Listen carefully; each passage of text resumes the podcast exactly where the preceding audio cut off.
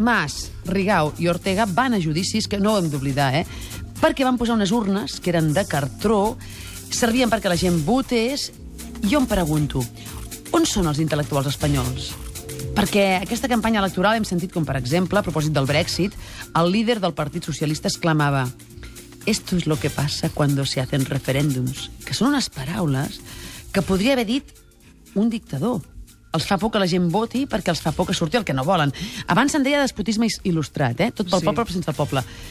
Jo ara diria que només és despotisme, per desgràcia. Ni tan sols és il·lustrat. On són els intel·lectuals espanyols ara que hem sabut que el ministre de l'Interior i el cap de l'Oficina Antifrau de Catalunya conspiraven per fabricar proves contra els independentistes, buscaven un fill secret de Mas. On són les guitarres? On són els manifestos? Entenc veient el resultat de les eleccions a Espanya, que a tothom li sembla bé, que els tanquin, un problema menys, així n'aprendran.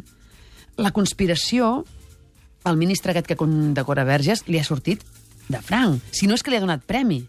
A nosaltres no. Nosaltres l'hem pagat. Hem pagat el sou del cap de l'oficina antifrau. Aquest home que deia, jo soy espanyol por encima de todo. I és veritat, por encima de todo.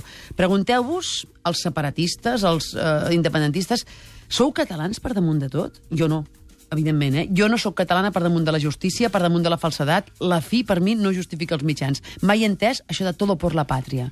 Però ens hem acostumat a les paraules. Et surt un senyor del govern i es queixa dels catalans que piden el derecho a decidir. I tu t'atures un moment i dius està parlant del dret a decidir amb el to de qui parlaria del dret a escorxar iaies.